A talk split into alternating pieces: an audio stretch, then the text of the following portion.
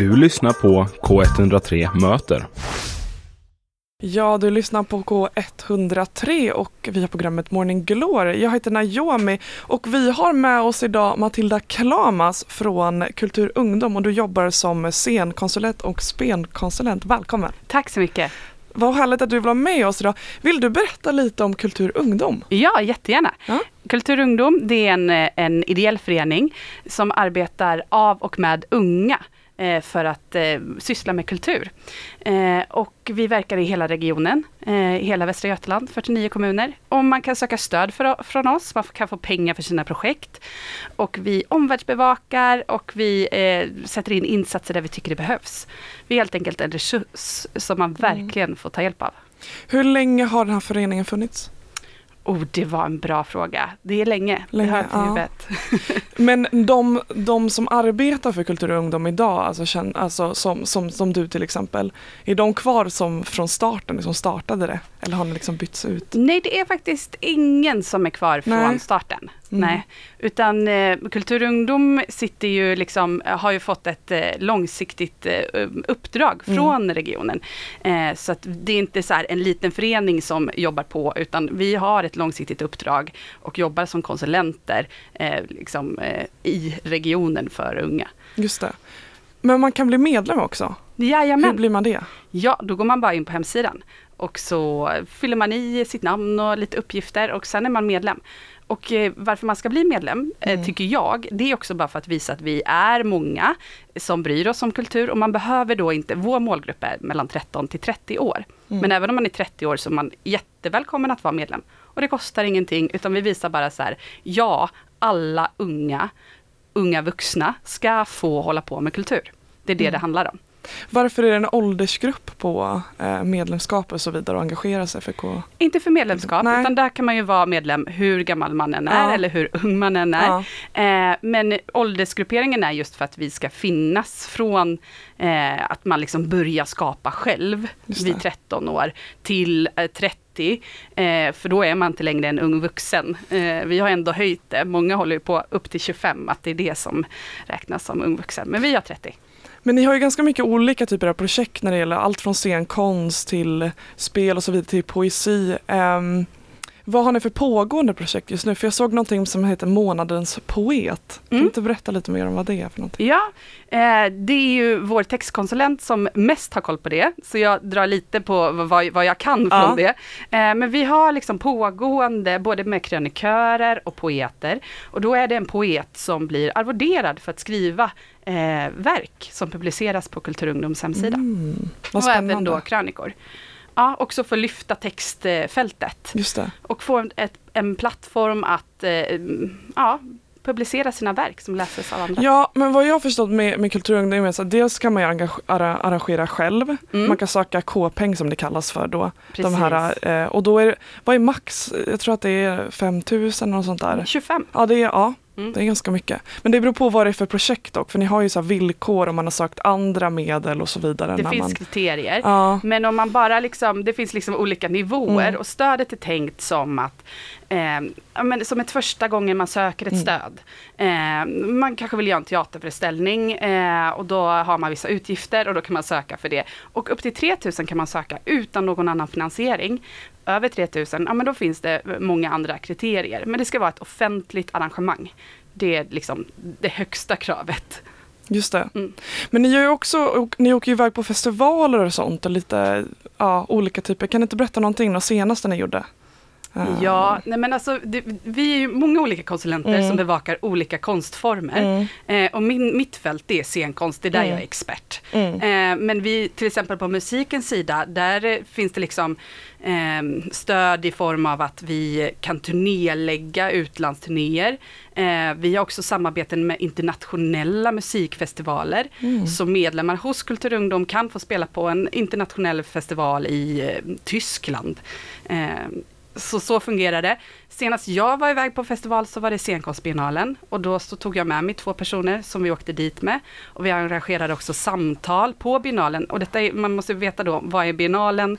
Ja men det är liksom, det är en professionell biennal där det är massvis med liksom hela Teater-Sverige och Dans-Sverige är där. Eh, och det brukar inte vara något fokus på ung, liksom, hur ska unga liksom, kunna verka inom scenkonsten. Eh, däremot om, om, deras rättigheter brukar det vara en hel del. Men ja, då eh, ville jag liksom ta in det unga perspektivet och lyfta liksom, hur ser det ut att gå från amatör, semiprofessionell till professionell. Mm. Så en sån sak är också att vi liksom, eh, och då bjöd jag in unga eh, scenkonstnärer som satt i panelen tillsammans med etablerade eh, för att diskutera detta. Och vi har med oss Matilda Klammas från eh, Kultur Ungdom. Eh, jag tänkte vi skulle gå vidare lite och prata om ett specifikt projekt som jag själv också faktiskt har varit med i. Vad hade vi döpt det till? Jag kommer inte ihåg för bok, vi utgick ju från en bok. Skönheten i kaos. Ja. Eh, ja. Just Nej, jag kommer inte heller, det var många olika förslag på hur det skulle... Men kan inte du berätta lite mer om det projektet? Ja, det var liksom eh, hur man skulle kombinera vetenskap och konst. Så det gick under en, en ytterligare flagg som heter Vetenskapelse som just jobbade med detta.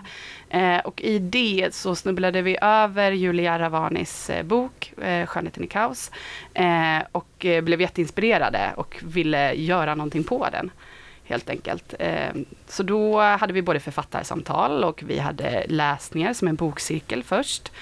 Ehm, och sen så träffade vi, träffades vi och hade ett labb, ett konstnärligt workshop kring detta.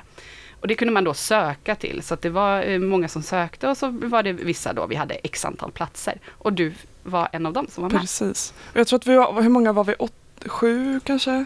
Mm, det varierade nog lite, det var ja. ju fortfarande pandemitider. Så det, eh, det, var lite fler med i de digitala träffarna i början kring bokcirkeln och sen så när vi väl såg så var vi eh, runt åtta stycken. Ja. Just det, för tanken var då att vi, vi läste den här boken, vi tolkade det och sen så försökte väl applicera det i någon form av scenkonst, hur vi tolkade det. Så då gjorde vi någon form av workshop, det var liksom summeringen då, hade workshopsledare, som jag tyckte var helt fantastisk. Ja. Jag kommer aldrig glömma det mötet, hon var, hon var väldigt, ja, speciell på ett härligt sätt. Liksom. Ja.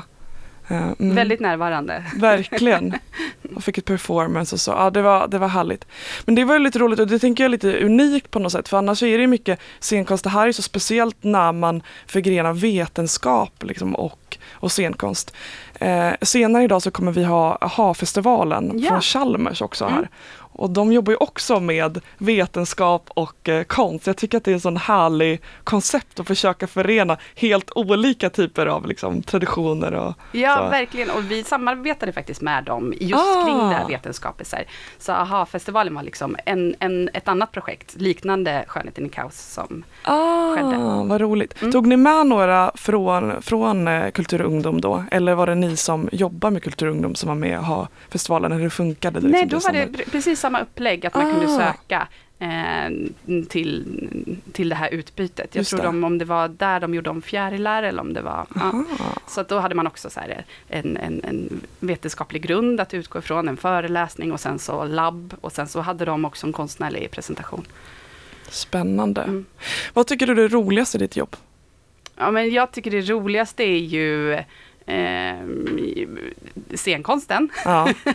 Men, och, och, med det menar jag också att liksom både få, eh, vad händer? Att hela tiden vara i samtiden då, liksom så här, eh, men hålla koll på så här, vad, vad är det som går dåligt och vad mm. går bra och, och, vad saknas kunskap inom. Och, och sen är jag, brinner jag för organisering. Och jag brinner verkligen för eh, liksom, mm, gränsen mellan att bli, vara semiprofessionell till att vara professionell. Hur tufft det är mm. att vilja eh, livnära sig på sin konst. Eh, och där vill jag verkligen vara en sån här peppig person som bara så här, öppnar dörrar eh, och visar hur man kan ta sig vidare. Just det. Hur, hur var det för er under liksom, Corona? Hur såg ni kring de projekten som, hur, hur gick det för dem som ville engagera sig och göra projekt till exempel under Corona? Ja men det var ju tufft såklart ja. eftersom många föreställningar blev inställda eftersom man inte fick ha offentliga samlingar med människor. Mm. Eh, men vi, där var vi också väldigt så här, schyssta, så här, ville flytta fram ditt arrangemang, liksom när, eh, ja. Eh, så att, där fick vi också, vi gick också ut med så här stöd för att eh, coronastöd, återstartsstöd och sådär. Så vi försökte på annat sätt. Sen lagade vi också om vissa grejer till digitala grejer. Eh, att man kan ha liksom, jag vet att vi hade ett hemmaresidens. Det var nog innan corona till och med. Mm. Men att så här, varför eh, ska man alltid åka iväg på residens? Kan man inte ha residens hemma? Få pengar för att skapa hemma? Vad ger det? Ja, spännande. Just det. Men hur, om man vill läsa mer, vad, vad hittar man er då? Ja, men då hittar man ju oss både på Facebook, på Kulturungdom. Eh, Då söker man ju bara Kulturungdom på Facebook, eller på Instagram, eller så går man in på kulturungdom.se. Just det. Och där kan man både bli medlem, men man kan också söka pengar till exempel om man vill starta något olikt projekt, typ scenkonst till exempel. Ja, och dessutom så kan man ju bara mejla till någon och ställa frågor. Om man har en idé, om jag vill genomföra den här festivalen. Ja, men mejla. Eller, jag har det här, men jag vet inte vart jag ska vända mig. Mejla. Jag tycker det saknas lokaler. Mejla. Vad Ja. bra, då vet alla lyssnare om de skulle vilja engagera sig. Tack så jättemycket för att ni har kommit hit idag. Eh, härlig eh, intervju. Tack. Ja, tack så mycket. Tack.